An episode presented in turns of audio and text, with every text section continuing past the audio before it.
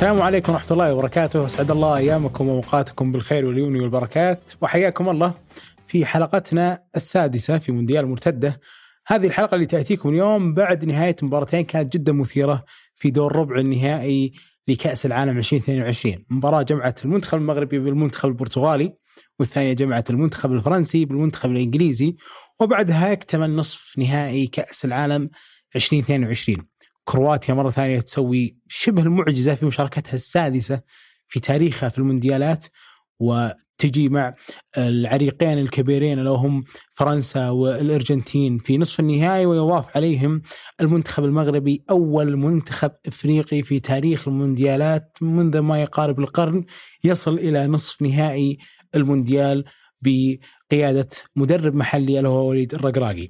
كل هذا وأكثر اليوم نتكلم عنه بشكل مفصل وبالتحديد نوقف كثير مع مباراة منتخب المغرب ومنتخب البرتغال ونوقف على حال المنتخبين ونفصل كيف أديرت هذه المباراة وبعد ذلك بننتقل لمباراة فرنسا وإنجلترا. يرافقني الحبيب العزيز أبو علي. أقول لك آه، صارت التوقعات مثل ما توقعنا ولا لا؟ يا أهلا وسهلا أبو سعود. اسعد الله أوقاتك بكل خير. أتوقع مرتاحين إنه وياك كذا صحيح كلنا غادرنا من دور الثمانيه لا برازيل ولا لا برازيل ولا إنجلترا ولا إنجلترا بس شوف لا يزال عندي توقع أنا. قلت حيفوز فيه منتخب أوروبي وأنا قلت منتخب لاتيني okay. قلت إما الارجنتين ولا. يعني فهذول الاثنين بيطلعون تأهل كرواتيا والمغرب لا تخيل ال... okay ممكن ال... تتوقع تصير؟ هي هي الفرصة إنه الأوروبيين يكسبون لو صارت كرواتيا وفرنسا عدا. ذلك معناته إنه تبي. على أي حال أنا والله يعني كان مصدوم جدا من اداء المنتخب الكرواتي مصدوم جدا جدا. وبعدين أتوقع مباراة البرازيل كانت أفضل مباراة لكرواتيا في هذه البطولة. أنا شفتها دور المجموعات كله شفتها قدام اليابان حتى. آه، صحيح إنه أفضل لاعب كان حارس مرمى لكن أداء كرواتيا صراحة جدا صدمني. آه، ما صدمتني عشوائية البرازيل كنت تكلمني وياك في هذا الشيء كثير. ما صدمت إني أشوف البرازيل يعني تتكئ على الفرديات. ولكن في كل الأحوال أعتقد إنه دور النصف النهائي اللي لما يكتمل اليوم ما تقدر تقول إنه في منتخب من هالمنتخبات يعني على الأقل كان يسير بحالة مثالية من بدا المونديال لنهايته. أتوقع كل المنتخبات اليوم اللي كانت موجودة عانت. آه، عدا المغرب ممكن ما بكل تجرد المغرب هو المنتخب الوحيد اللي ما عانى يعني. حسم من الجولة الثانية تأهله وتأهل على حساب إسبانيا واليوم تأهل على حساب آه، البرتغال. ولكن في مقياس أو في مباراة البرتغال والمغرب. كيف شفت بداية المباراة؟ كيف شفتها؟ إلى أن راحت انتهت؟ ما هو بجانب وليد الرقراقي؟ بجانب آه، سانتوس اللي اليوم أعتقد أنه جالس يختتم مسيرته مع منتخب البرتغال بعد ما بدأ معهم محقق 2016 اليوم يختتمها في 2022 والله أنا أعتقد أنه سانتوس يعني البرتغاليين لا يزالون عالقين معاه في نجاح 2016 يعني الرجل لا في البطولة اللي بعدها اللي كأس الأمم الأوروبية الأخيرة ولا في مونديال 2018 ولا حتى في هالنسخة من كأس العالم. كثيرين يتفقون إنه البرتغال عندها شيء أعلى من اللي قدمته في البطولة عندها جيل ذهبي جدا لكن البرتغال ما هي قاعدة توصل لأدوار متقدمة جدا. والغريب بالنسبة لي إنه البرتغال هي أكثر بلد أقنعنا إنه بالمدرب الشاب اولا وبالمدرب اللي ما لعب كورة. ثانيا من جوزيه مورينيو فياس بواش وقاعدين يصدرون مدربين في كل مكان في العالم ويأتون بهذا المدرب أنا ما عندي اعتراض على موضوع السن لأنه في مدربين متقدمين في السن بس أفكارهم متجددة لكن الرجل تحس إن تفكيره. جدا قديم فعلا. وأفكاره جدا قديمة وعنده يعني إدارة المباريات نفسها ترى في الغالب آه، يعني ما هو مثالي لا من الأفكار اللي يبدأ بها المباراة ولا حتى من التغييرات اللي بعد ذلك تكون داخل المباراة. بأمانة ما شعرت بشكل كبير جدا إنه المنتخب البرتغالي وضع المغرب تحت الضغط. 90 دقيقة ياسين بونو okay تصد يمكن كورتين ثلاث بس ما تتكلم قياسا بفارق الإمكانيات والغيابات اللي موجودة عند المغرب في خط الدفاع تحديدا. أنت تنتظر مباراة البرتغال ممكن توصل فيها المرمى 20 مرة. ياسين بونو بيطلع له ممكن ثمان ولا عشر كرات لكن فعليا في المباراة نفسها ممكن كان عنده تصديين أو ثلاثة بقية الحالات البرتغال تشعر أنها كانت عاجزة أنها توصل إلى مرمى المنتخب المغربي. وهنا هنا المأخذ الكبير على سانتوس إنه عندك رونالدو عندك رافائيل لياو عندك جواو فيليكس عندك برناردو سيلفا وعندك برونو فرنانديز. وعندك مهاجم ولد أثناء البطولة اللي هو راموس كل هالخيارات الهجومية اللي موجودة عندك وتفشل ولا أشعر إنه أنت يعني يا يجيك منافس سهل تقدر توصل المرمى فتقدر تفرد عضلاتك مثل سويسرا اللي صار في مباراة دور ال 16 أو لما تواجه منتخب منظم بشكل جيد تخرج منه. وأتوقع إن البرتغال يعني هي هي خير من يعرف مرارة الخروج بهذا الشكل أو اللعب أمام المنتخبات بهذا الشكل لأنه أتوقع إنه إلى اليوم ما تعافوا من صدمة اليونان، اليونان تكسب كأس أوروبا على أرضك في 2004 بهذا التكتل الدفاعي الكبير جدا. وأنت عناصرك ترى البرتغال يعني طوال تاريخها نجومها اللي إحنا نعرفهم يعني إيطاليا عندهم عدة نجوم بس نعرف مالديني ونعرف باريزي ونعرف بيرغومي ونعرف كثير من العناصر اللي ممكن دفاعية أو غيرها، لكن البرتغال كل يعني الأسماء اللي طلعتها على مدى تاريخها هم لعيبة وسط ومهاجمين وأجنحة جدا ممتازين ومع ذلك تظل البرتغال تعاني أمام المنتخبات اللي تلعب بهذا الشكل لأنه ببساطة ما في مدرب عنده أفكار يقدر يفكك من خلال دفاعات الفريق المنافس. إحنا اذا كنا نقول انه المنتخبات عندها نسخة متأخرة من المدربين بناء على المدربين عاليين الجوده ما يدربون في المنتخبات يوم يتجهون للأندية. ممكن لاعتبار اقتصادي لاعتبار تنافسي كون بطولة مثل ال Champions League اليوم مغريه أكثر كثير إنه المدرب يشيلها بطولة مثل ال Premier League.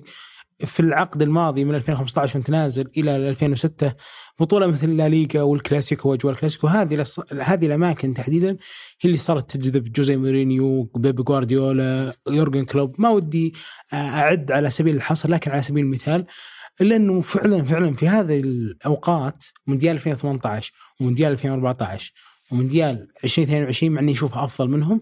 بان إنه لا والله ترى مدربين الأندية عندهم خطوات كبيرة كبيرة كبيرة جدا.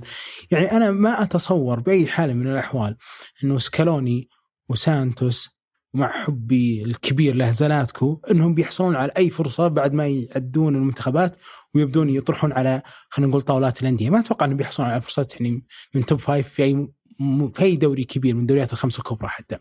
بالعكس تماما في البطولات اللي هي بطولات الانديه تحتاج مدرب حديث يحدث نفسه بشكل مستمر يعرف يقود منظومة ويبنيها بأسلوبه ما يترك المجال للفرديات مثل ما أنت صاير تشوف اليوم. عشان كذا بدا لي والله أبو علي من راحة المباراة ترى لل 60 إنه يعني وليد الرقراقي دف سانتوس المنطقة اللي هو يبيها وخلاص بدأ يرتاح. قدام الريكي بالتحديد وإن كانوا اسبانيا برضو ما واجهوا المرمى كثير لكن كنت أحس إنه سيطرة المباراة وإدارتها عند وليد الرق... عند الريكي أكثر من كونه عند المغرب يقدر يداول الكره بينما اللي صار أمس لا والله كل شيء كان للمغرب.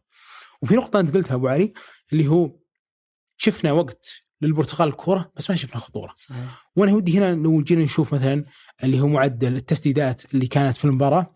عندنا تقريبا على مستوى التسديدات فوق 12 تسديدة أو 12 تسديدة للمنتخب البرتغالي. عندنا 73% على مستوى السيطرة ولكن ترى فقط ثلاثة منها اللي وصلت المرمى. معدل الاكس جي عندهم معدل أهداف متوقع كان 0.9 أقل من المغرب. من أصل 12 تسديدة. ولو جينا نشوف نوعياتها معك ثلاث أرباع الوقت. صحيح ولو جينا نشوف نوعياتها ابو علي لو تتذكر معي تسديدة فيليكس راسية بيبي. هل يطري على بالك شيء غيره؟ وممكن كرة برونو فرنانديز اللي جت في العارضة. صح كرة برونو فرنانديز. أعداهم في كورة تروح للمغرب. المغرب بكرات طولية توصل للمرمى. صحيح. وكانت إلى حد كبير ترى تنهي المباراة. وعلى سبيل يعني الذكر برضو اللي هي أعتقد كانت الهجمة اللي في أواخر الشوط الثاني اللي هي كانت في الدقيقة 95 كرة طويلة للمنتخب المغربي بعد ذلك انفراد تام وانفراد استمر على مدى 40 متر والحارس ما طلع. هذا الشيء ترى يسهل الكرة ما يصعبها ومع ذلك أهدرت. مثل هذا النوع من الفرص كان للمغرب ما كان للبرتغال اللي طوال الوقت كانت تدور في نفس المكان هذا اللي ما ما صرت تشوف فيه حلول. وفي نفس الوقت لا اللي موجودين تشوف لهم كذا سيستم تقول الم... البرتغال هنا تلعب بهذا الشكل، البرتغال تلعب بهذه الطريقة. ما بس تعرف أبو سعود أنا في ظن إنه الملامة على سانتوس ممكن أكثر من أي مدرب آخر، يعني يمكن البرازيل عانت أمام كرواتيا بس البرازيل فعليا ترى ما عندهم مهاجم تسعة، ريتشارلسون في الأصل هو لاعب لاعب طرف أو مهاجم ثاني. البرازيل ما عندها لاعب ثمانية فنان بالكورة.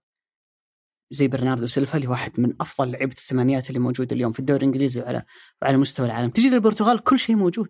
صح. البرازيل ما عندها ظهيرين مميزين، البرتغال تتكلم عن دالوت ظهير أيمن لمانشستر يونايتد وكانسيلو ظهير يسار أساسي لمانشستر سيتي، تتكلم عن لاعبي الوسط، واحد زي روبن نيفيز معظم أندية الدوري الإنجليزي تتمناه، برناردو سيلفا وبرونو فرنانديز اثنين من أعلى لعيبة الوسط اللي موجودين في الدوري الإنجليزي. وعلى مستوى خط المقدمة طب وتخير من كريستيانو رونالدو اللي ممكن يلعب لك تسعة جونزالو راموس مرورا بجواو فيليكس رافائيل لياو كل الخيارات عندك. ومع ذلك ما تحس ما تحس إن في تركيبة هجومية واضحة للفريق. تقول الفريق هذا من الممكن إنه يعمل تكرار لعملية الوصول ل- لمرمى الفريق المنافس. أعتقد إنه مباراة ما أدارها سانتوس بشكل ممتاز جدا. خطته اللي بدأ فيها المباراة ما نجحت ولذلك غير أسلوب شوط المباراة الثاني. وين تلحظ هالموضوع؟ بوضوح. شوط المباراة الأول البرتغال لعبت ست كرات عرضية فقط. شوط المباراة الثاني كم تتوقع الرقم ارتفع؟ 12 18 20 29 عرضية في شوط المباراة الثاني. اللعب صار كله عرضيات. عرضيات من كل مكان. يعني- جاردين. بالضبط. ولكن ما قدرت إن أنت توصل منها آه. على الرغم من إنك تقريبا كل العناصر الهجومية اللي عندك نزلتها وعندك صح. واحد من أميز ضاربي الرأس اللي هو كريستيانو رونالدو ومع ذلك ما كنت تنجح بشكل خليني أزيدك في الشربيت وعيد وأنت على مستوى وفره العناصر ترى حتى في حراسه المرمى عندهم وفره يعني هم لعب دييغو كوستا كحارس مرمى وأتوقع إنك ناقم عليه كثير. لكن ترى غير دييغو كوستا عنده باتريسيو وعنده سا اللي هو حارس ولفرهامبتون كل هذا الحراس ترى يعني اللي يذكر البرتغال لما بدأت تطلع في الألفية 2002 و2004 اليورو و2006 المونديال كان عندها ريكاردو بس حارس واحد يكبر والدنيا. ويعتزلون وهو ما عندهم إلا هالحارس. هو اللي يروح لكن عشان نعلم أو نوضح إلى أي درجة صار يعني حالة شتات واضحة في المنتخب البرتغالي على مستوى استراتيجية إدارة هالبطولة كلها ما هو على مستوى المباراه لكن تخيل أبو علي أول مباراة نزلوا فيها البرتغال في هذه البطولة في دور المجموعات قدام غانا على ما أعتقد صحيح كان الظهير الأيمن جواو كانسلو الظهير اليسار مندش حق. باريس سان جيرمان. أمس آخر مباراة اختتموها بهالبطولة الظهير اليمين دالوت الظهير اليسار جريرو. بقرارات فنية بحت بحت. ما فيها أي إصابة غيرت في هذا الموضوع. قرار فني بحت. دور مجموعات كامل ستة روبن نيفيز. بعد ذلك تأهل إلى مباراة دور 16 قدام سويسرا. كارفالو هو المحور. اليوم رجع روبن نيفيز هو المحور. على مستوى راس الحربة طول دور مجموعات كريستيانو راس حربة ثابت. حتى في مباراة كوريا اللي خرجوا منها واللي دخلوها هم ضامنين التاهل كريستيانو كان هو الحارس هو المهاجم الأساسي. ولما نقول في مباراة كوريا بالتحديد لأنه يعني هذه المباراة بالتحديد أبو علي يحبون المدربين يدورون فيها مثل ما سوى تيتي في مباراة. إيه. اللي ما لعب ينزل يلعب. نزل إيدرسون نزل مارتينيلي نزل اللعيبة اللي بيشاركهم بينما آه، سانتوس في ذيك المباراة نزل كريستيانو. لما دخلنا على دور ال 16 اللي حرس أو عفوا اللي كان المهاجم هو راموس. ف واستمر بعد ذلك راموس. فدخلت البرتغال هذه البطولة بكمية عشوائية على مستوى المهاجم على مستوى محور السته على مستوى الأظهرة. وأنا بوقف صراحة عند الأظهرة لأني يا أبو علي أشوف إنه من السنة الماضية إلى اليوم على مستوى ثبات المستويات آه، كانسلو واصل إلى مستويات مرعبة جدا جدا جدا مع المان سيتي. لاعب خلاق بشكل مو طبيعي. كان إذا دخل الثلث الهجومي في المان سيتي سواء كان أيسر وهو غالبا يكون أيسر إنه لما يدخل في عمق الملعب ويعطي الطوليات هذه كانه لاعب وسط كأنه يعني يعني يقارع مثلا جريليتش وبرناردو سيلفا في إنتاجيته في هذا المكان ويذهل الكل في هذا المكان. اليوم أنا شفته دكة الجريرو مع احترام الجريرو وحتى لما نزل كانسلو بدا لي إنه ينحط في مواقف هو ما هو عارف يتصرف فيها. شفته بأقصى الطرف على الخط وهو أيمن. صح. في نفس الوقت تبي تلعب عرضيات وشو مودي يسار؟ مودي يعني, يسار. يعني ترى بيب لاعب يسار لحاجتين لأن عنده ووكر يمين أنت ما عندك ووكر. صحيح. بيب ما عنده ظهير يسار انت عندك ظهير يسار. ولأن بيب يستخدمه في إنه يدخل إلى إلى عمق المنطقة ويفتح الطرف فودن ولا جريليش ولا أي واحد. أنت ما أنت مضطر تلعب يسار. ولا ولعب كلاعب يعني أنت. ما أنت مضطر تحطه في خانة هو يلعب فيها اضطرارا وأنت جهتك اليمين ما هي ما هي قوية يعني. تصدق الر- المرحلة الوحيدة اللي بس بدالي كانسلو لاعب مؤثر هي اللي راوغ فيها مرابط دخل على الخط مهارة فردية بحت. بينما كموقف ترى كان سيء كانوا اثنين على واحد. هو طلع منهم. ولكن استكمالا لذلك برضو نفس الشيء تشوف واحد مثل رافائيل لياو واحد عنده أعتقد حوالي 16 مساهمة مع الميلان في هذا الموسم. أعتقد تسعة أسيست. نجم المرحلة. هو والباقي أهداف. أنت ما شفته حتى يعني. في طول هذه البطولة شفته كلاعب بديل يسجل. أمس أنا ما شفته. فإنه في مدرب يعجز إنه يلقى حلول بهالأسماء. إيش تفسرها؟ ما أدري إيش. تفسرها. صحيح. إيش تفسيرها المنطقي؟ صحيح. شوف أنا أعتقد إنه عنده كم كبير من اللاعبين بس ما عرف يوظفها. ترى إنك فكرة إن يكون عندك لاعبين كثيرين جيدين ممكن في تداخل بينهم في الأدوار موضوع ما هو بسهل بالنسبة للمدرب. لكن يمكن أقرب تجربة يقاس عليها إسبانيا اللي ذات يوم ربحت كأس أمم أوروبا عندهم بوسكيتس وعندهم تشافي وعندهم تشابي ألونسو تكلم عن ثلاثة في في مثلث الوسط. طيب باقي عندي إنيستا باقي عندي ديفيد سيلفا وباقي عندي فابريجاس إيش سوى فيهم دلبوسكي؟ عبق. وظف واحد جناح يسار وظف واحد جناح يمين حط واحد مهاجم عشرة وهمي ركبهم على بعض رهمهم على بعض راح كسر فيهم الدنيا في كاس أمم 2012. أمم أوروبا 2012 كيف أنت تخلق من العناصر منظومة لأنه في بعض المدربين مثلا زي في البرازيل نزلهم كلهم مع بعض وخلهم هم يتصرفون لا ما راح يتصرفون إذا ما حطيت أسلوب لعب واضح طريقة تحتوي الجميع ما راح يتصرفون ولكن يمكن أغرقنا كثير في الكلام عن سوء البرتغال ولكن أعتقد أنه بالمقام الأول التنظيم اللي لعبت فيه المغرب كان يضرب به المثل من بداية البطولة، مباراة البرتغال ما كانت استثناء لأنه لو كان الأمر مرتبط بسوء البرتغال أنت بتقيس على نتائج المغرب قبل ما راح تلاقي عندهم تميز لكن فعليا المنتخب متميز بشكل كبير جدا من بداية البطولة. أمس بعد مباراة فرنسا وإنجلترا تصريح تشواميني صاحب الهدف الأول في المباراة قال إحنا نفكر من الحين شلون بنتعامل مع منتخب وهو عارف المعلومة جيدا قال استقبل هدف واحد كان عكسي. في خلال خمس مباريات سابقة. فإحنا لابد أن نحط خطط كيف نقدر نضرب دفاع الفريق هذا. فأعتقد أنه النجاح اللي سواه المغرب ما كان مصادفة على الرغم من غياب أسماء لها وزنها وثقلها مثل نايف أقرد ومثل آه، مزراوي تكلم عن اثنين أساسيين واحد يلعب في بايرن ميونخ واحد يلعب في وست هام. عنصرين ثابتين في كل المباريات السابقة وينصاب في بداية الشوط الثاني آه، رومان سايس. تلاقي نفسك إنه رباعي الدفاع ما فيه من الرباعي الأساسي عندك إلا أشرف حكيمي. موقف صعب جدا لكن أعتقد إنه التنظيم اللي عمله وليد الرقراقي يضرب به المثل في توزيع اللاعبين في الأدوار اللي مناطة بهم. ولذلك لما يطلع لاعب وينزل لاعب ثاني ما تلاحظ إنه في في تأثير كبير جدا، إذا بناخذها أبو سعود من جانب تكتيكي وش اللي يختلف شوي في المباراة هذه عن المباريات ال- السابقة أنا أعتقد إنه تعامل الرقراقي تحديدا مع موضوع زياش وبوفال. هو يعرف إنه البرتغال عندها زحمة لاعبين في وسط الملعب برونو برناردو أوتافيو و آه، محور ولفرهامبتون روبن نيفيز روبن نيفيس تكلم عن أربع لعيبة يلعبون في عمق الملعب. ممكن لاعب جناح واحد حقيقي اللي هو جواو فيليكس مع مع راموس. فبالتالي هم يعتمدون بشكل كبير جدا إن اللي بيفتح لهم الملعب بالعرض واللي بيوفر لهم خيارات هجومية هم لاعبي الأظهرة. ولذلك أعتقد إنه لو بنشوف اللقطة اللي موجودة أمامنا كانت الفكرة عند وليد إنه زياش وبوفال قدر المستطاع لابد إنهم يبقون قريبين من لاعبي الظهير. تكلم عن أشرف حكيمي على اليمين وعطية الله اللي فاجأنا. بادائه صراحة في. في المباراة هذه. بحيث إنه ما يترك الظهير حكيمي أو عطية الله في موقف واحد ضد اثنين، يعني ما يجيك جواو فيليكس وغيريرو على الجانب الأيسر أو دالوت مع برونو فرنانديز على الجانب الأيمن ولذلك كان عندهم التزام كبير، هذا الالتزام أدى إلى أن البرتغال في مرحلة بناء اللعب لما تحاول إنها تطلع الكورة من وسط ملعبها ومن مناطقها الدفاعية، روبن نيفيز كما جرت العادة يسقط ما بين قلبي الدفاع والأظهرة تطلع للأمام في الحالة هذه اللي كان يضغط على المنتخب البرتغالي في عملية بناء الهجمة هم الثمانيات.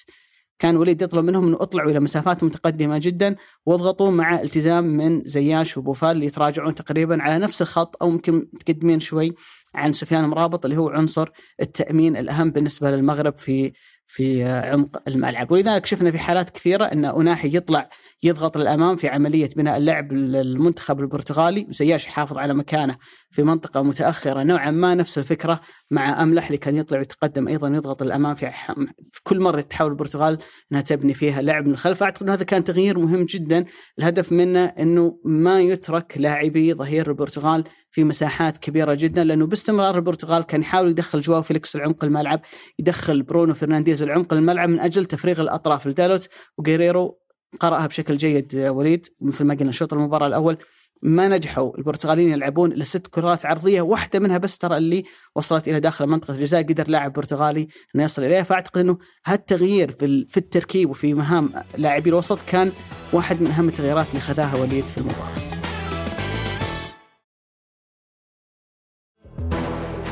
والملفت يا ابو علي إنه هذا النوع من التغييرات آه تغيرت فيه الأسماء ومع ذلك انت شفت كمية الثبات في مستوى خط كامل زادوا صحيح. سنتر ثالث مم. فصار في خمس لعيبة يلعبون في خط ظهر منهم أشرف حكيمي هو الوحيد صحيح. اللي ثبت في كل مباراه ماضية وعشان كذا أنا مذهول صراحة من تعامل وليد الرقراقي تحديدا لو جينا نشوف إيش الأسماء اللي غابت عنه يعني غاب عنه مزراوي مزراوي واحد من اللعيبة اللي كان رائع جدا مع تينهاج في الموسم الماضي في أياكس أمستردام واستمر كذلك رائع في هذا الموسم مع بايرن ميونخ. ولما حاول الوليد انه يستفيد منه وداه في الظهير اليسار وأدى أداء عظيم.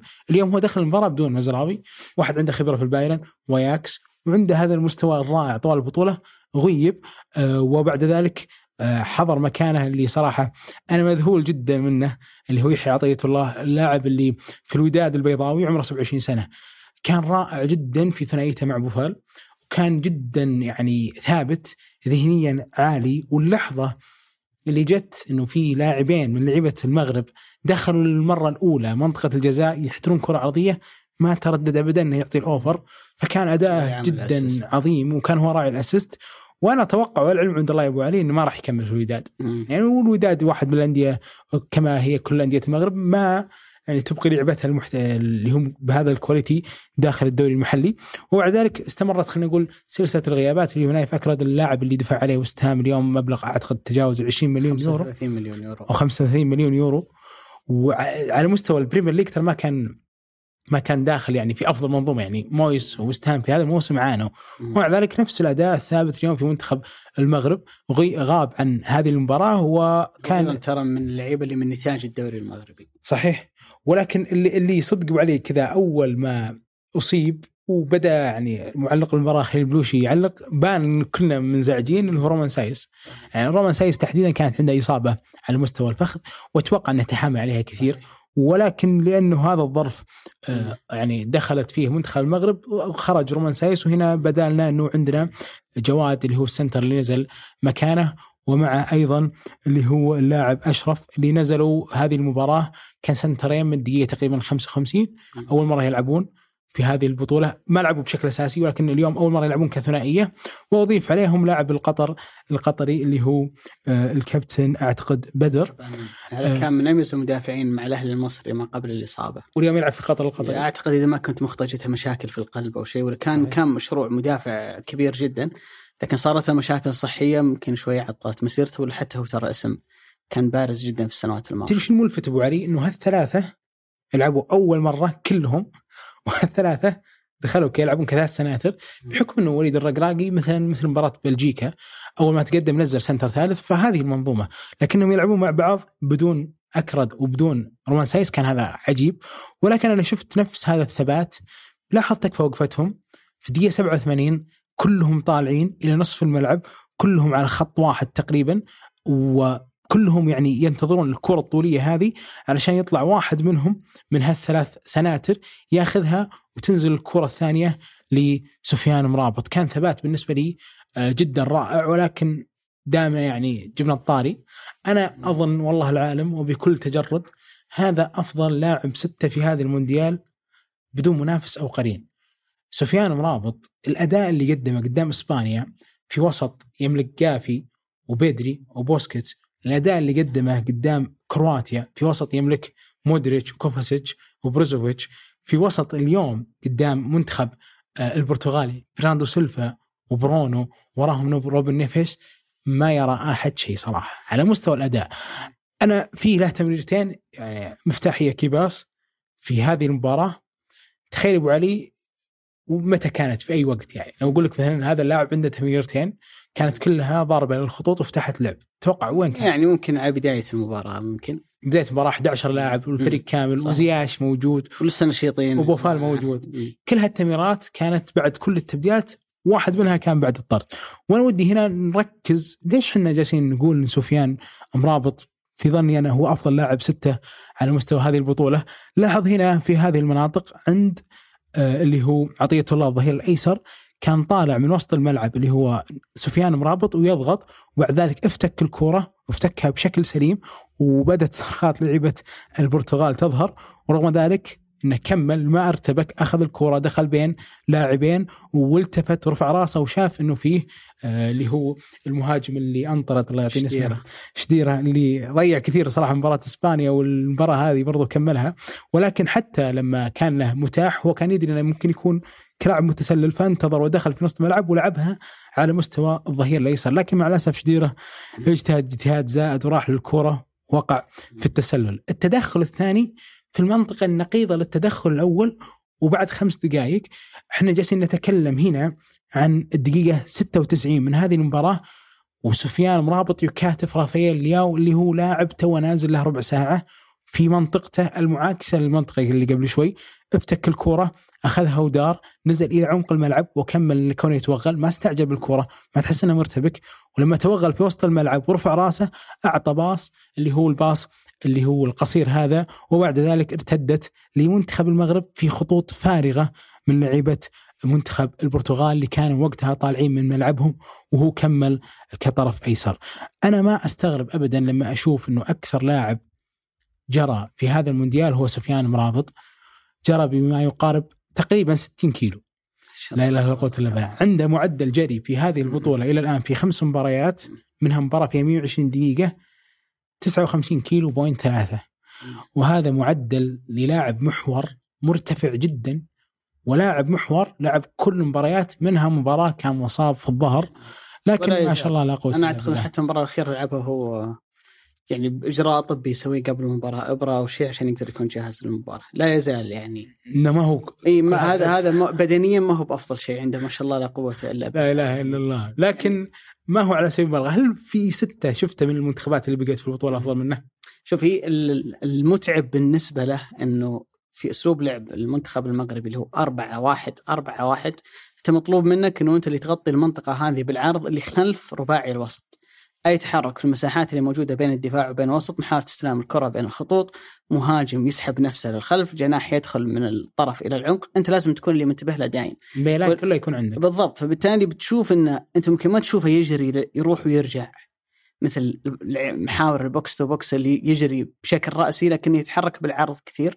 ولا بد إنك تكون ذكي في عملية الزيادة لأنك لو سحبوك على أحد الجانبين وفرغوا مساحة على الجانب الآخر بتكون في أزمة فلازم تكون ذكي في عملية التحرك وأهم من ذلك موضوع التوجيه لأنه في نهاية الأمر أنت في ظهر أربع لعيبة وسط مع مهاجم في عملية الضغط في عملية ميلان الفريق يمين ويسار أنت اللي توجه. فبالتالي في أيضا جانب قيادي في الموضوع أعتقد إنه قطعا هو أفضل لاعب ستة في البطولة لحد الآن ما نعرف شو بيصير في نصف النهائي والنهائي لكن أنا أروح إلى أبعد من ذلك هو ممكن من أعلى خمسة لاعبين في البطولة. يعني اداءه ومستواه خلال هالبطولة ما شاء الله لا قوة إلا بالله آه شيء ملفت. وفيه الكثير من من من صفات نور الدين مرابط اللي هو صحيح. تذكر الكلام اللي قلناه قلته في حلقة مرة عن إدواردو إنه رجل اولا ولاعب كرة ثانيا. يعني رجل يعطيك من قلبه. تكلم قبل شوي إنه اللي يعرف رافائيل لياو في الدوري الإيطالي ترى ما هو بسهل إنك تكاتف رافائيل لياو. تكلم عن آخر دقائق المباراة وهو لسه نازل وأنت لاعب وأنت ما أنت جاهز. أعتقد إنه هذا يعني شيء شيء يحسب له هو كلاعب وأعتقد إنه ما راح يطول مع فيورنتينا بعد هالبطولة. 26 سنة في ذروة عطاء الكروي متوقع إنه يروح لنجاحات أكبر ويستاهل بإذن الله تعالى خلال السنوات الجاية. ولكن أبو سعود أعتقد إنه فكرة الذكاء في عملية التحرك في قراءة اللعب هي ما كانت مرتبطة بس بسفيان مرابط وإنما هي سمة كانت في المنتخب المغربي بشكل عام. لو بنشوف الصورة هذه هي تشرح طريقة تنظيم المنتخب المغربي في الغالب يلعبون على مسافات متقاربة نحاول تقيس المسافة من لاعب الظهير إلى لاعب الجناح اللي هو بوفال المنطقة اللي تواجد فيها خط الدفاع وخط الوسط وما بينهم سفيان مرابط تقريبا 16 متر إذا قسناها من خلال خطوط القص العشب اللي موجودة آه، في الملعب. آه، هذه تبدو كما لو إنها هجمة عادية للمنتخب البرتغالي لكن داخلها تفاصيل. لو تتذكر الحلقة الماضية كنت أقول إنه مهما المدرب أعطاك من تعليمات مهما أعطاك من تصور للمباراة يظل في قرارات فردية أنت تاخذها كلاعب في المباراة. إذا أنت لاعب حاضر ذهنيا إذا أنت لاعب ذكي وأهم من ذلك إذا أنت لاعب عندك شخصية. إنك تتدخل في مثل هالمواقف ترى هذا اللي يقلب موازين المباراة من فريق إلى فريق. مثل ما قلنا هذه تبدو كما لو أنها هجمة عادية للمنتخب البرتغالي الكرة عند برناردو سيلفا بيمررها إلى بيبي اللي قاعد يسقط الآن في وسط الملعب متراجع هذا راموس. لما نزل كريستيانو رونالدو كان يحاول إنه يرجع إلى وسط الملعب فيستلم كورة ما بين خط الوسط وخط الدفاع ويحاول بعد ذلك إنه يساهم في عملية تطوير الهجمة ويصعد الهجمة بالنسبة للمنتخب البرتغالي. قبل ما الكورة توصل بيبي فورا لاعب الثمانية في المنتخب المغربي بيطلع من أجل انه يضغط عليه. بيبي لما واجه الضغط بيلعبها إلى راموس. راموس في الموقف هذا أصلا هو موجود هنا. ليش؟ عشان بس يلعبها اللاعب ثاني. لو بتلاحظ واحدة من الدوائر موجود فيها أوتافيو اللي هو لاعب الثمانية اللي كان موجود من بداية المباراة أو من الممكن إنه راموس لما يستلمها يلعبها على أقصى الطرف لبرونو فرنانديز اللي موجود على أقصى الطرف الأيمن. لاحظ هنا التصرف اللي كان طبعا مرابط حاول أن يضغط على راموس في البداية لكن لاحظ التصرف اللي سواه رومان سايس. انه فهم إن أوتافيو هذا موجود في منطقة خطرة جدا ما بين دفاعنا ووسطنا لو استلم الكرة هنا حيخلق لنا مشكلة بالتالي ياخذ قرار جريء إنه في لحظة ما يطلع قدام ويضغط عليه. وبالمقابل بوفال يفهم إن برونو فرنانديز موجود على أقصى الطرف. أنا لابد إني أرجع أو اقصر العمق من أجل إني أقطع خط التمرير اللي موجود عند آه، ما بين راموس وما بين برونو فرنانديز. في اللحظة هذه وش اللي يقدر يسويه راموس في الحالة هذه؟ لا يقدر يمرر أوتافيو لأنه مضغوط عليه من سايس ولا يقدر يمرر لبرونو فرنانديز فبيضطر إنه يحاول يطول الكورة معاه شوي بيضغط عليه مرابط وبيرجع لاعب الثمانية اللي كان مع بيبي بيضغط على بيبي مرة ثانية وتجد نفسك في موقف مثل الحالة اللي قاعدين نشوفها كم لاعب مغربي قاعد يضغط على حامل الكرة في وسط الملعب. واحد منهم مرابط اللي هو موجود كساتر في الخلف من أجل التأمين رومان سايس طالع لاعب الجناح داخل العمق بيؤدي ذلك أن الكرة بتنقطع من بوفال. فور ما يقطعها بيحاول راموس نفسه اللي كانت معاه الكرة في البداية إنه يقطعها راح يتجاوزه راح يجيب برناردو سيلفا وراح ياخذها على الداخل. بيلاقي نفسه بعد ذلك في موقف هجومي يلعبها إلى يوسف النصيري. يوسف ما راح يقدر يعمل عليها control بشكل جيد. بيرجعها لأناحية مرة ثانية وبيلعبها طويلة خارج آه، المرمى. يمكن كانت فرصة محققة أو كبيرة جدا للمنتخب المغربي. عارف أبو سعود؟ الموضوع كله يتمحور حول هذه اللقطة. اللحظة اللي يقرر فيها رومان سايس إنه يطلع ياخذ القرار الجريء إنه يضغط. عشان اللاعب هذا لو استلم الكرة راح يخلق لي مشكلة. اللي يفهم فيه بوفال إن خط التمرير اللي موجود ما بين حامل الكرة وما بين لاعب الطرف اللي موجود في ظهري مشكلة فبالتالي لابد إن يغطيه. هذا ذكاء لاعبين. صحيح. هذه خبرة وتمرس وتجانس لاعبين أشياء ما يقدر المدرب إن يعلمك إياها كلها. مباراة 90 دقيقة ملعب طوله 120 وعرضه 60 متر. كم اكشن راح يصير في ال 90 دقيقة هذه؟ ما يقدر المدرب انه يقول لك في كل اكشن أنت لازم تسوي كذا أو تتصرف كذا. في قرارات أنت كلاعب تاخذها. فبالتالي بقدر ما يكون عندك لاعبين أذكياء تكتيكيا عندهم شخصية عندهم جرأة إنهم ياخذون مثل هالنوع من القرارات بقدر ما يكون لديك فريق قوي وفريق متجانس. ممكن البعض يقول لك يا أخي أنت تحكي وتقول كلام جميل جدا عن المغرب. لو بيبي حطها في المرمى ما كان قلنا هالكلام صح عليك لو كرة برونو فرنانديز نزلت شوي على العارضة ما كنت بتقول هالكلام صح عليك لكن ما هي الفكرة ان ما في مدرب يقدر يمنع الخطر تماما عن المرمى يمنع المنافس تماما من إنه يشكل خطورة. الفكرة إني بدل ما أنت يا البرتغال توصل مرماي 20 مرة خليك توصل خمس مرات. خليك توصل ثمان مرات. فبالتالي كلما تقل فرصك في الوصول إلى مرماي كلما ستصبح أقل خطورة وبالتالي أنا أملك فرص أعلى إني أكسبك. وهو نجح في هذا الأمر من بداية البطولة. لأنه عمرك ما حتقدر إنك تلعب مباراة 90 دقيقة ما فيها ولا غلطة، لكن اللي يخليك أكثر قدرة على إنك تتجنب الخطورة على مرماك تبدو فريق أقوى دفاعيا هي مثل هالتفاصيل الدقيقة جدا اللي يقف وراءها مدرب ويقف وراءها أيضا لعيبة عندهم شخصية وعندهم قرارات فردية داخل الملعب تصنع فارق. وأنا أميل لذلك برضو أبو علي إلى كونك مثل ما قلت نقطة الانسجام. الانسجام ما بين لعيبة آه، المغرب كان جدا عالي حتى مع اللعيبة اللي ينزلون من دكة البدلاء وذكرنا قبل شوي عطية الله مع اللي هو آه، سفيان آه، بوفال. الكمية يعني الكرة اللي أخذها من كريستيانو بوفال كان قاطع إلى أقصى عرض الملعب علشان يفك هذه الكرة وترجع مرة ثانية زيادة عادية لعبه المغرب هذا هو نوع من الانسجام. أكيد إنه المدرب يضع هذا النوع من الأسس ولكن البقية بتكون لفرديات اللاعبين وأنا عشان كذا أتوقع والله العالم إن جزء كبير من لعيبه المغرب هذول بيطلعون إلى ليفل عالي على مستوى آه، الدوريات الأوروبية وفعلا يستاهلون أفضل جيل لأفضل منتخب آه، آه، أفريقي شارك على مستوى هذا المونديال. ولكن لو جينا نتكلم عن الأشياء الاستثنائية اللي صارت لمنتخب المغرب أتوقع ما في أحد شاف جنب يوسف نصيري إلا وذهل صراحة الصورة هذه جدا يعني لا قوة إلا بالله. يعني سواء لكوستا ولا حتى لروبن دياز كلهم كانوا يعني يحتاجون إلى ضعف طولهم تقريبا عشان يأخذوا الكرة من يوسف نصيري في كل اللحظات كان نصيري له الأفضلية. وأمانة أنا ما أدري إلى الآن هل هو رقم تاريخي ولا لا ولكن حاولت كذا أرجع أشوف بشكل إحصائي بسيط من هم الأرقام القياسية أو أصحاب الأرقام القياسية في الثلاث أربع سنين الماضية. طلع جنب آه، كريستيانو رونالدو على سامدوريا اللي كان تقريبا قبل ثلاث مواسم أو موسمين ونصف آه، اللي كان تقريبا في 255 آه، سنتي ثم بعد ذلك جنب توموري على اليوفي اللي كان برضو قبل موسمين وكان مترين بوينت 63 سنتي أما عن يوسف نصيري أمس فقفزته ما شاء الله لا قوه الا بالله وصلت إلى مترين و78 سنتي وهذا أتوقع أنا ما بعد تأكدت إنه بيكون رقم تاريخي لأن اللي سواه يوسف النصيري في هذه الكرة كان شيء جدا يعني مم. إعجازي. وأن يظهر لك كريستيانو بعملية القفز هذا شيء كبير. يعني أنت اخذت شهادة من مم. أكثر واحد يمكن يستشهد لك على مستوى الجنب. صحيح. أنا أنا أنا ذهلتني استوقفتني الصورة هذه أبو سعود. يعني ما شاء الله لا قوة إلا بالله. رجلة فوق ركبة بيبي. امم يعني من من عملية الارتقاء. يعني الحارس طالع بيديه الثنتين ما هو قادر يجيب الكورة. تتكلم أيضا عن روبن جاز واحد من أميز المدافعين الموجودين اليوم على مستوى كرة القدم ال- ال- الاوروبيه يعني ما شاء الله لا قوة إلا أكلهم.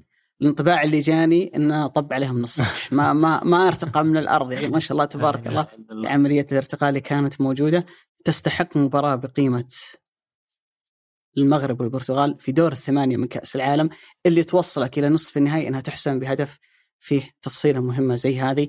أنا دائما أقول الم- المباريات اللي من هالنوع ومن هالحجم يحتاج اللاعب إنه يعطي فيها 200% من ادائه إنك توصل إلى هذا الدرجة من الارتقاء والجنب ضد هؤلاء المدافعين بقيمة بيبي و آه، برونو دياز وغيرهم من اللاعبين اللي موجودين في البرتغال دلالة إنه أنت جاي تعطي في هالمباراة شيء أعلى من اللي أنت تعطيه بالعادة. وأعتقد إنه هذا هو المهم بالنسبة للمغرب حتى في المواجهة القادمة أمام المنتخب الفرنسي إنه لابد ان كل لاعب يعطي أكثر حتى مما أعطاه في المرحلة الماضية لأن كل ما تتقدم في البطولة كل ما تكون المباريات أصعب وأكثر شراسة.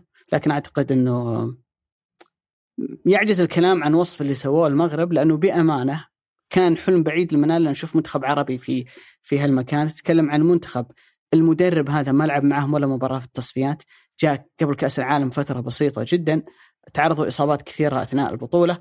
كل شيء طريقهم صعب جدا. كل شيء قاعد قاعد يلعب ضدهم ومع ذلك هم اليوم في نصف النهائي. والطريقة بالي ما في أحد يتمناها، أنت ما تتمنى إنه كرواتيا وبلجيكا يطيحون معك في نفس المجموعة، صحيح. ما تتمنى ابدا دور ال 16 اللي يعتبر يعني أبكر دور في الأدوار الإقصائية تطيح قدام إسبانيا وبعد ذلك تطيح قدام انت. أنت معك في المجموعة اثنين كانوا في نصف نهائي كأس العالم صحيح الماضي. الماضيه واليوم أنت والمنتخب الآخر اللي كان معك في المجموعة اللي هي كرواتيا أنتم موجودين في نصف نهائي كأس العالم. ولكن آه، تحديدا يوسف النصيري أنا شفت ظلم كثير صراحة أبو علي في كمية نقد صارت بالناس تتجرد من كون إنه كل المباريات اللي لعبها في المغرب عدا مباراة كندا بس يوسف النصيري كان يلعب مع نوتمان مع الستة اللي يلعبون صحيح. وهذا دور يعطي يلعب متأخر بشكل كبير. صحيح ويعطي الكثير من أو يأخذ الكثير من وقت هذا المهاجم بس كله علشان ما في أحد يدخل عمقنا مرتاح. وهذا الأداء صراحة يحسب ليوسف النصيري في المقام الأول. فلما هذا الأداء يصير طول الفترة هذه مع روبن نيفيز والمباراة الماضية مع بوسكيتس والمباراة اللي قبلها مع بروزوفيتش كل هذا الوقت انت جالس تعطي هذا الأداء ثم فجأة تجي كرة عرضية لماحة مثل هذه عالية وتجيبها برقم تاريخي. أنا صراحة يعني أصفق له. هو فعلا سوى شيء يعني نادر جدا أن يجمع ما بينهم مهاجم. في العادة المهاجم يا هو هذا يا هو هذا. صحيح. إن يجمع لك اثنين كان. بيكون شيء جدا. 190 سم لاعب طويل القامة. ما شاء الله. كل ما زاد طول اللاعب كل ما صارت حركته أبطأ ومطلوب منك إنك تجري باستمرار. صحيح. يعني مثل ما سفيان مرابط مطلوب منه انه يغطي المساحة اللي موجودة خلف خط الوسط، أنت العنصر الوحيد اللي موجود في خط المقدمة وبالتالي أنت عنصر الضغط الأول على كل مدافعي الفريق المنافس، وأكبر دليل على إنه قاعد يستنزف من خلال هالدور في كل مباراة إذا ما كان التغيير الأول فهو التغيير الثاني بالنسبة لوليد الركراقي لأنه يتعب يوصل الدقيقة 55 60 هو بدنيا خلاص أعطاك كل اللي عنده. ولذلك نشوف إنه في كل مباراة كل المهاجمين اللي جايبهم من البرتغال عفوا المغرب لهالبطولة قاعد يستخدمهم. وليد كبودلاء في شوط المباراة الثاني مجرد إنه أنت تسجل الهدف الوحيد للمغرب اللي حصل في الأدوار الإقصائية هذه نقطة مهمة جدا. اليوم هو بالتساوي مع سامي الجابر وهبي خزري وسالم الدوسري كهدافي العرب. نتمنى إن شاء الله أنه يوفق في نصف النهائي وأيضا حتى عنده مباراة نهائية ومباراة ثالث ورابع يسجل مزيد من الأهداف.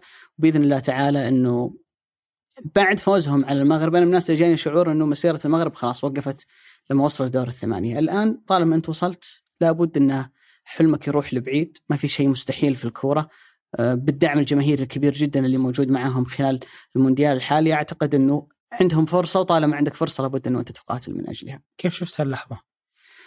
آه، حزينة جدا حزينة جدا يعني يا أخي يجيك شعور إنه كرة كرة جدا قاسية مش لأنه رونالدو لازم يفوز في كل المباريات ولكن لأنه ما كان هذا الختام المثالي لمسيرة كريستيانو رونالدو يعني أنا رونالدو شارك في أكثر من مونديال وكان يحاول. هذه ما هي ما هو بشيء غريب بالنسبة عليه إنه يحاول. لكن فكرة إنك تتحول إلى مهاجم بديل في في المنتخب البرتغالي تلعب شوط مباراة ثاني ولا يغير ذلك في الواقع شيء يعني لو كان مثلا رونالدو بيقبل انه يكون يلعب دور ثانوي في المنتخب لو في عناصر أفضل من الممكن أن توصل البرتغال أن تكسب البطولة أو على الأقل تلعب نهائي فبالتالي أنت تقبل بدور ثانوي لأنه في ممكن حدا ثاني أحسن منك. لكن فكرة إنه أنت تلعب كمهاجم احتياطي وتخرج تقريبا من نفس الدور اللي تخرج منه البرتغال في كل مرة. أعتقد إنه كل شيء من بداية الموسم قاعد يقول كريستيانو رونالدو كان يجب عليك أن تعتزل. لا اللي صار له في مانشستر يونايتد ولا اللي صار له الآن مع المنتخب البرتغالي ولا نهاية هالمسير. الآن مسيرته مع المنتخب انتهت. تبقى بس لنا نعرف النادي القادم اللي ترى في الغالب يكون هو آخر محطة في مسيرة كريستيانو رونالدو. الموضوع مش عاطفي لأنه هو أسطورة ريال مدريد وأفضل من ارتدى قميص ريال مدريد بقدر ما إنه هالنوع من اللاعبين الكبار اللي أثبتوا أنفسهم اللي في ظني أنا المنافسات الأصعب والأكثر شراسة اللي هي منافسات الأندية من الصعب إنك تشوفها بهذا الانكسار.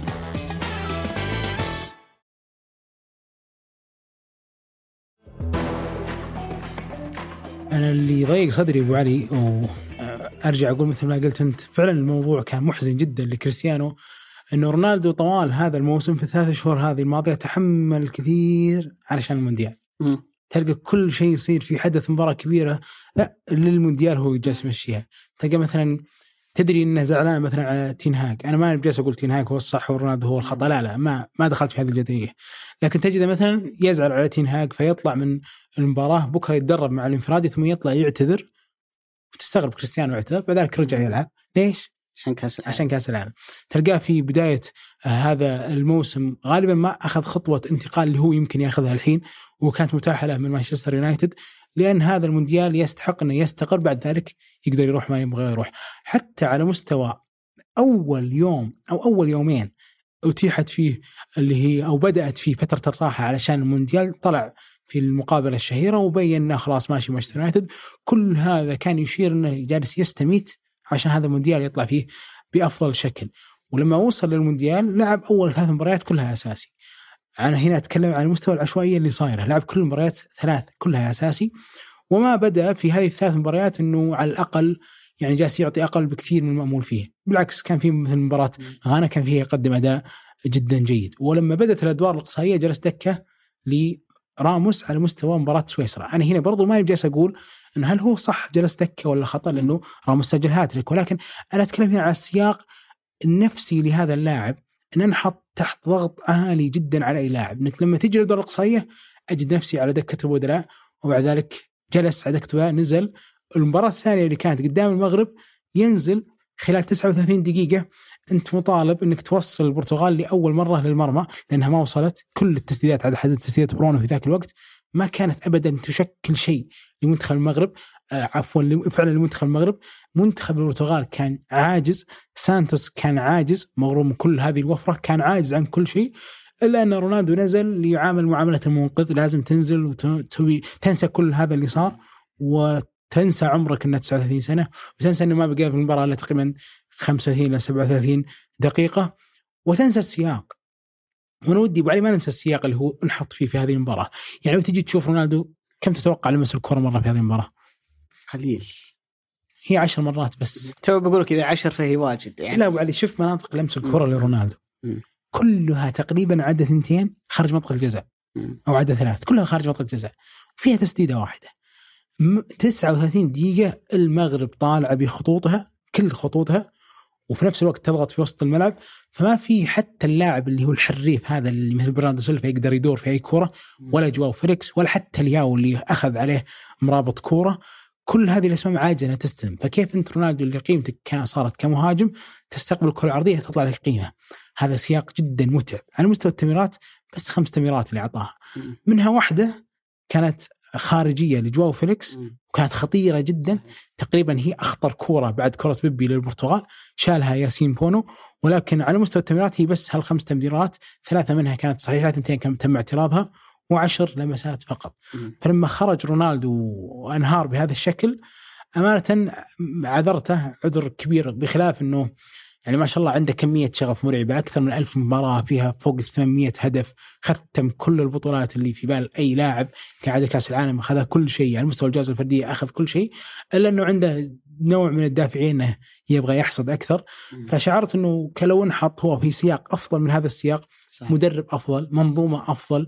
آه، حتى على مستوى التدخل والتوقيتات في هذه المباراة لو إن البرتغال كانت أفضل بتاخذ من رونالدو اللي يعتبر اليوم في أقل نسخة أفضل من هذا اللي أنت أخذته منه صحيح وجاك شعور أبو سعود إنه اللاعبين اللي يفترض اليوم إنهم معوضين لكريستيانو رونالدو أو اللي بسببهم كريستيانو رونالدو جالس على دكة البدلاء وأنا ما اتكلم عن آه، جونزالو راموس تحديدا أنا اتكلم عن اللي يفترض انهم نجوم اليوم اللي يشيلون المنتخب البرتغالي.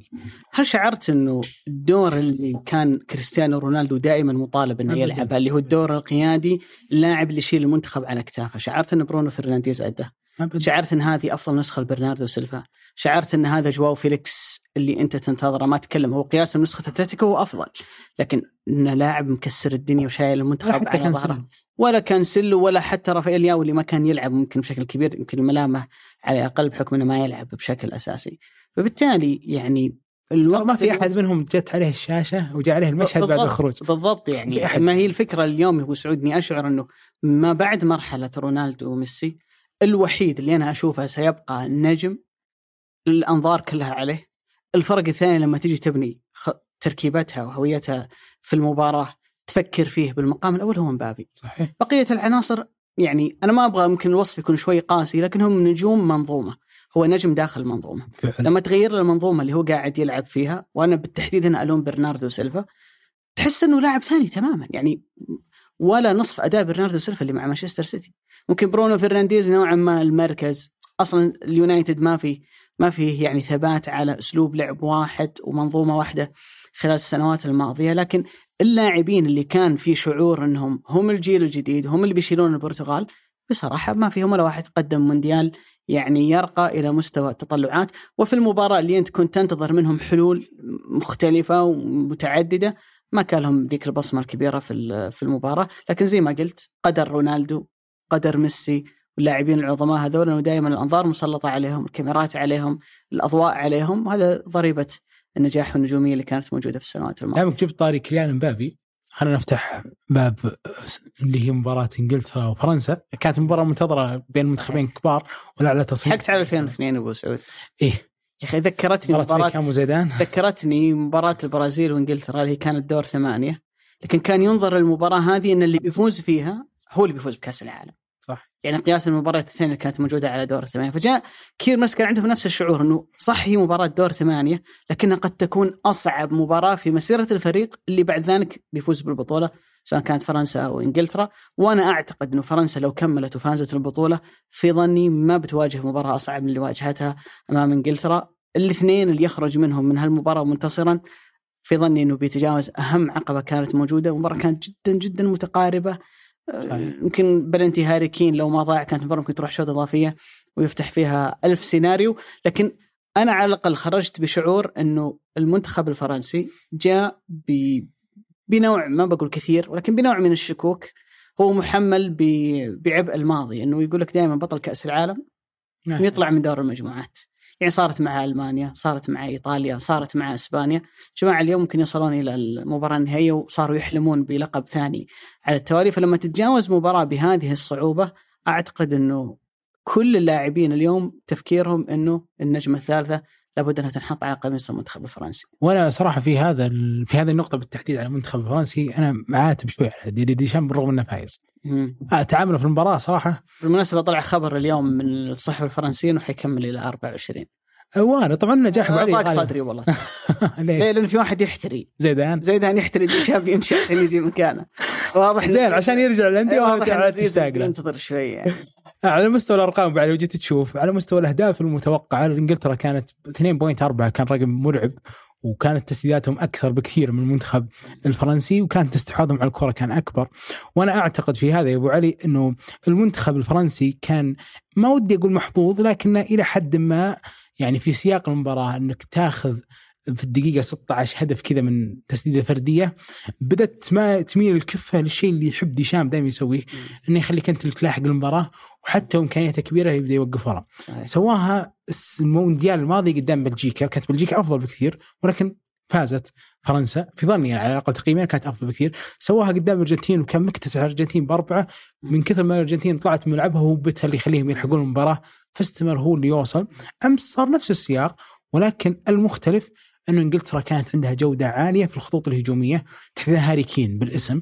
كان يقدر يسوي كل شيء علشان توصل إنجلترا إلى مرمى هيجو لوريس ولكن عشان أبين أبو علي قديش أنا عاتب على ديشان انه لما اخذ هدف مبكر بدأ يميل لكونه يوقف في ملعبه من الهدف اللي سجله آه اللي هو تشواميني إلى هدف هاري كين التعادل تعال خلينا نشوف التسديدات اللي صارت إما خطيرة أو حتى في الخشبات الثلاث طوال هذه المباراة. بتلقى التسديدة الأولى لهاري كين آه، كان يضغط عليه اوباميكانو في ظهره ولو تشوف حتى دوران هاري كين أحيانا في هذه اللحظة تحس إنه ما يناسب ما شاء الله ضخامته وجسمه. دار بشكل رهيب وانفرد مع هيجو لوريس وشالها. لوريس صراحة بشكل جدا رائع. أتوقع إنه كين سوى فيها كل شيء ولكن كان لوريس تعامله فيها جدا سليم. الهجمة الثانية كين يسقط في ال half space الأيمن عند ساكا ويستلم الكره من عمق الملعب وبعد ذلك يدور ويسدد تسديدة جدا رائعة. برضو أنقذها هيجو لوريس الكره الثالثة هنا لو تيجي تشوفها كانت في الدقيقة 40 كانت برضو لبلينغهام بلينغهام تسقط له كورة ويسددها تسديدة رائعة جدا ولكن برضو لوريس هنا تصدى لها. عفوا هذه كانت في الدقيقه 46 ولا تصدى لوريس كانت أعلى المرمى. كل هذه الهجمات كانت في الوقت اللي كانت فيه فرنسا متقدمة. طيب أنا هنا بسأل سؤال. وجاوبني. هل إنجلترا منتخب رصين لدرجة إنك لو بتطلع من ملعبك ما راح توصل مرماه وفي نفس الوقت بيتعبك في التحولات. أوكي هو يمكن بيوصل مرماك. لكن هل إنجلترا منتخب كذا يتعبك على ما توصل مرماه؟ عشان كذا أنت سجلت هدف ووقفت في مناطقك. شوف أنا أعتقد إنه هو ال- الأمر يتمحور كله حوالين مبابي. حيثما وجدت المساحات وجد مبابي. يبي يعذبك مبابي. فالفكرة إنك أنت لما تتراجع وتستقبل اللعب عندك فرص أعلى انه انت تلعب مرتدات بشكل أكبر فبالتالي أنت عندك أكبر عنصر فتاك في الدنيا اليوم في عملية ال- المساحات اللي هو كيليان مبابي. أنت استشهدت في مباراة الأرجنتين. تذكر البلنتي اللي جابها صحيح. الأرجنتين اللي. ماخذها من ال 18 إلى ال 18 صحيح. الثاني فهو ممكن حسبها من هالجانب. وأنا صراحة أنت تقول إنك أنت عاتب على ديشام. أنا أحييه على فكرة إنه أنا دائما ضد فكرة إنك تلعب مباراة دفاعية بعناصر هجومية. يعني لا تلعب متكتل بجريزمان وديمبلي ومبابي وجيرو. لكنه نجح لأنه كان عندهم التزام كبير جدا في في الجانب الدفاعي. صح لوريس خلص لهم الكثير من الفرص. وإن كنت أنا أعتقد إنه لو بتاخذها كمستوى إنجلترا كانت أفضل من صحيح. فرنسا. يعني يعني بقليل كان المستوى يمكن متقارب إلى حد ما. لكن في لكن- فعلا مالت إنجلترا. بالضبط. نعم. لكن المهم بالنسبة لفرنسا إنه شلون تكسب بذكاء؟ يعني في نهاية الأمر أنت ما تستطيع تغفل انه حامل الكرة الذهبية كريم بنزيما مش موجود مع المنتخب الفرنسي. لوكاس هرنانديز اللي بدأ فيه بشكل أساسي يلعب ظهير أو يلعب قلب أصيب من بداية البطولة رباط صليبي وطلع. كانتي مش موجود بوجبا مش موجود. فبالتالي كمية الغيابات اللي موجودة عنده ويلعب بالعناصر اللي هي هذه مش أفضل نسخة من رابيو ولا أفضل نسخة من فاران اللي تراجع ويعاني من مشاكل مع مانشستر يونايتد. وظهيرك الأيمن أصلا هو مش ظهير. كثير من الخانات اللي أنت مغير فيها ومع ذلك تأدي وتقدر تكسب أكبر منتخب ممكن يكون عقبة في طريقك إلى أنك تفوز بكأس العالم. أنا هنا أقول كثر خيرك يا تصدق- صح هي تفاصيل بسيطة اللي حسمت المباراة لكن بشكل عام إنك توصل المباراة لمستوى إنها تكون متكافئة بينك وبين إنجلترا وبعد ذلك التفاصيل البسيطة هي اللي تكسبك. أنا أعتقد هنا انه ديشامب إلى حد ما ترى سوى اللي عليه. أنا أشوف أن احترامهم صراحة بزود. وبهذه العناصر اللي يتفق معك علي فعلا هي ما هي أفضل فرنسا ولكن لو تجي تشوف ما بعد التعادل لما قرر إنه يطلع من الملعب إلى أي درجة كانت ما ودي أقول سخيفة بس. ضرب دفاعات إنجلترا كان مضحك في هذا الموضوع.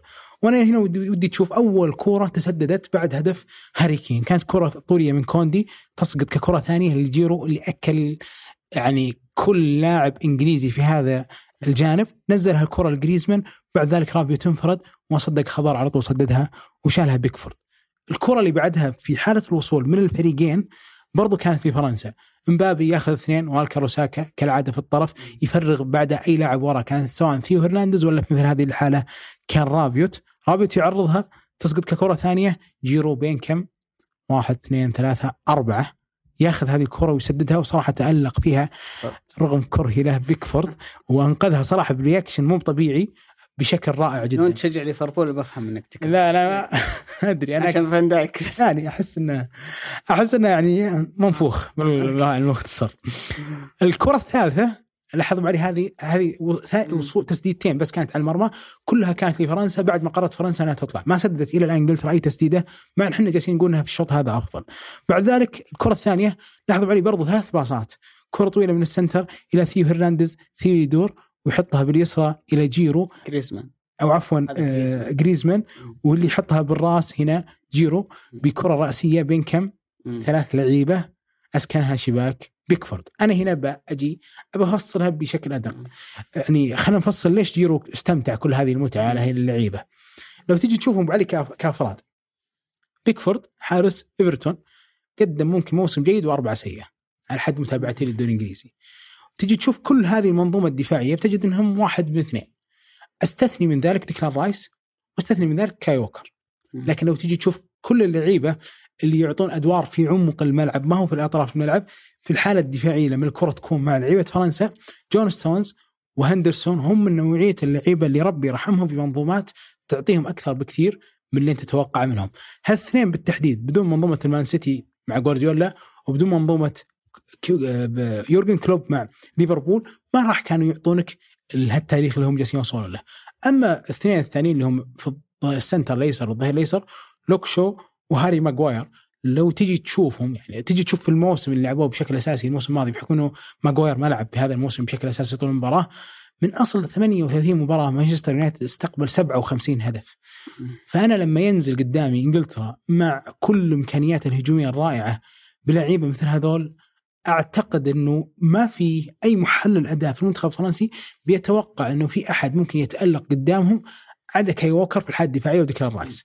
كايل ووكر كل شاف مباراة السنغال صار لعب عليه game رائع جدا ووضح إنه يعاني. وأما على الشق الثاني أنت صرت تعطي كرات طولية.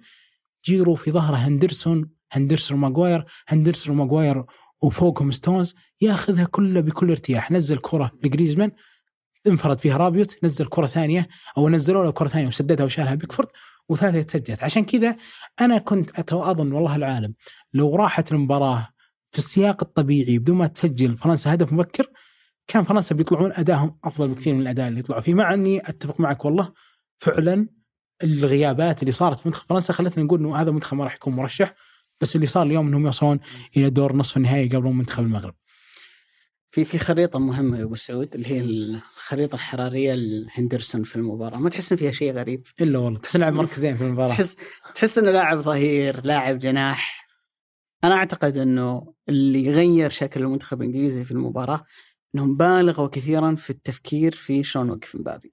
في نهاية الأمر أنت استقبلت هدفين، الاثنين صنعهم جريزمان، واحد شواميني وواحد آه، جيرو، والفرص الخطرة في المباراة تقريبا كلها ما فيها ولا واحدة كانت لمبابي.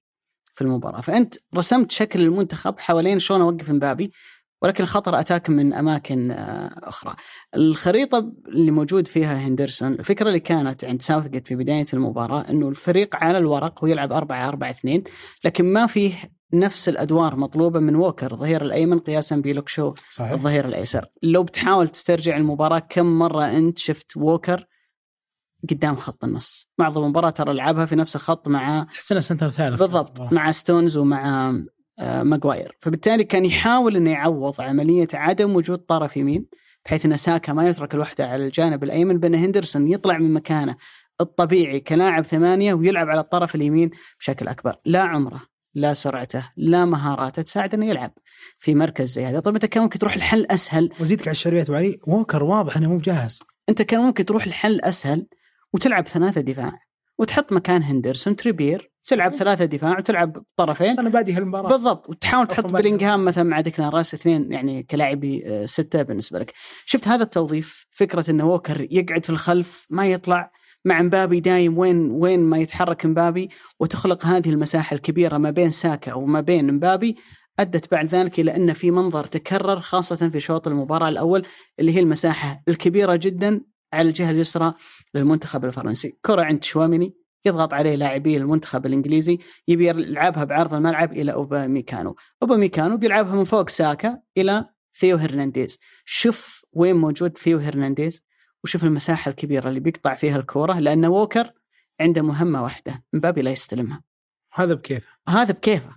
بيطلع ثيو هرنانديز إلى منطقة متقدمة وبيعطيها مبابي ومبابي بعد ذلك بيدور ويحاول يصنع منها هجمة للمنتخب الفرنسي. لقطة الهدف الأول بذات السيناريو. كرة بتقطع على الجانب الأيسر اللي بيقطعها هو ال center اليسار أوباميكانو بياخذها بيجري فيها بيحاول إنه يقابله ديكلان رايس اللي هو لاعب المحور الأخير بيلعبها لمبابي. مبابي بيرجعها له مرة ثانية double pass. بيعطيها مبابي مبابي بينقلها على الجانب الآخر وبترجع بعد ذلك من جريزمان لتشواميني. وبيسجلها كهدف أول للمنتخب الفرنسي. أنت حست الحوسة هذه كلها عشان تحاول إنك تحتوي مبابي. لا ووكر استفدت منه. لا هندرسون وظفته صح. ولا سلمت من الجهة اليسرى اللي أنت خايف من مبابي فيها لأنها أصبحت ممر. لثيو هرنانديز وال أوباميكانو وحتى رابيو في كثير من الأحيان هم يخترقون من خلالها بدليل إنه الهدف الأول مثل ما قلنا أتى كوره طلع فيها أوباميكانو والهدف الثاني اللقطة اللي ثيو هرنانديز لعبها لجريزمان الاثنين ما كان عليهم اي ضغط ولعبها جريزمان وهو مرتاح فبالتالي أعتقد إنه ساوثجيت بالغ كثيرا في الخوف من مبابي ونسى إنه ممكن عنده تكون مشاكل أخرى في المباراة. من الأشياء اللي أعجبتني بالنسبة لديشامب هي عملية وقفة ثلاثي المقدمة جريزمان جيرو مبابي اللي كان عندهم هدف أساسي إنه ديكلان رايس لا يستلمها. دفاع إنجلترا خليه يطلع إلى الدائرة خليه يطلع إلى منطقة متقدمة جدا ولكن تمرير في عمق الملعب ما فيه.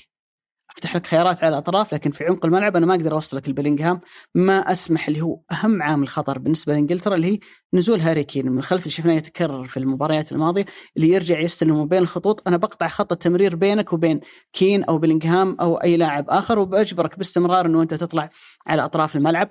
كان في التزام كبير جدا مثل الصورة اللي نشوف شوف وين موقع ديمبلي كان دائما يلعب قريب جدا من كوندي بحكم إنه هو ضعيف أصلا كلاعب ظهير. حتى مبابي كان عنده التزام كبير جدا. في في هالموضوع فأعتقد إنه الثلاثة ذولا مبابي وجريزمان وجيرو لعبوا بدون كورة واحدة من أعظم مبارياتهم اللي أنا شفتها في الفترة الماضية.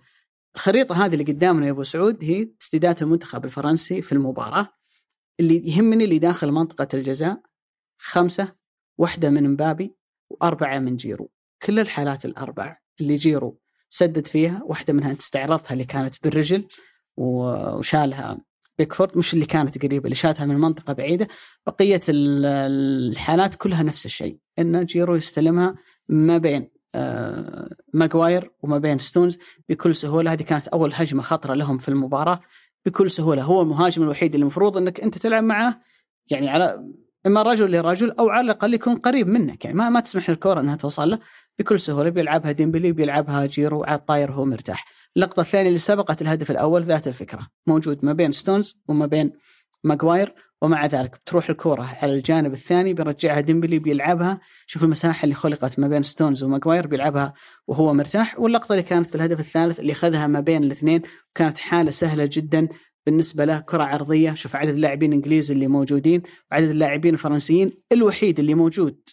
وسط الزحمة ما بين قلبي الدفاع هو اللي يقدر يوصلها ويسجلها في نهاية الأمر. أعتقد إنه إنجلترا كمنتخب ما نبغى نقسو عليه بشكل كبير، تسعة من العناصر 11 اللي بدات المباراة أساسية باستثناء ووكر وباستثناء هندرسون كلهم تحت ال 30 سنة، تكلم عن فودن، ساكا، تكلم رايس، بيلينغهام آه كلهم لسه عندهم سنوات يعني لسه حتى كلهم 23 سنة أو أقل.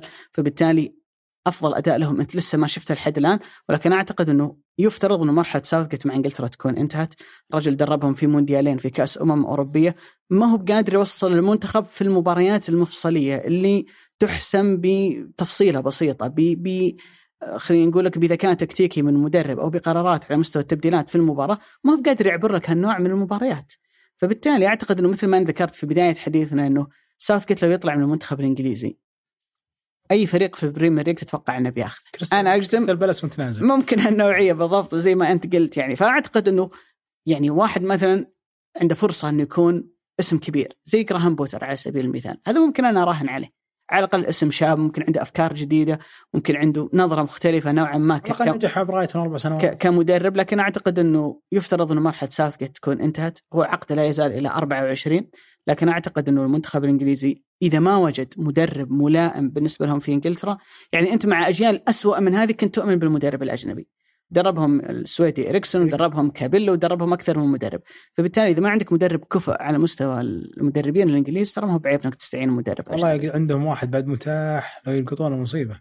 أجنبي ولا؟ أجنبي طبعا ما في إيه اللي في بالي هو اللي في بالك تخل ولا مين؟ آه لا أنا على في بالي بيب. لا أنا والله هذا مو متاح هذا عقد هو مجدد. تعود من الشيطان يا بالي.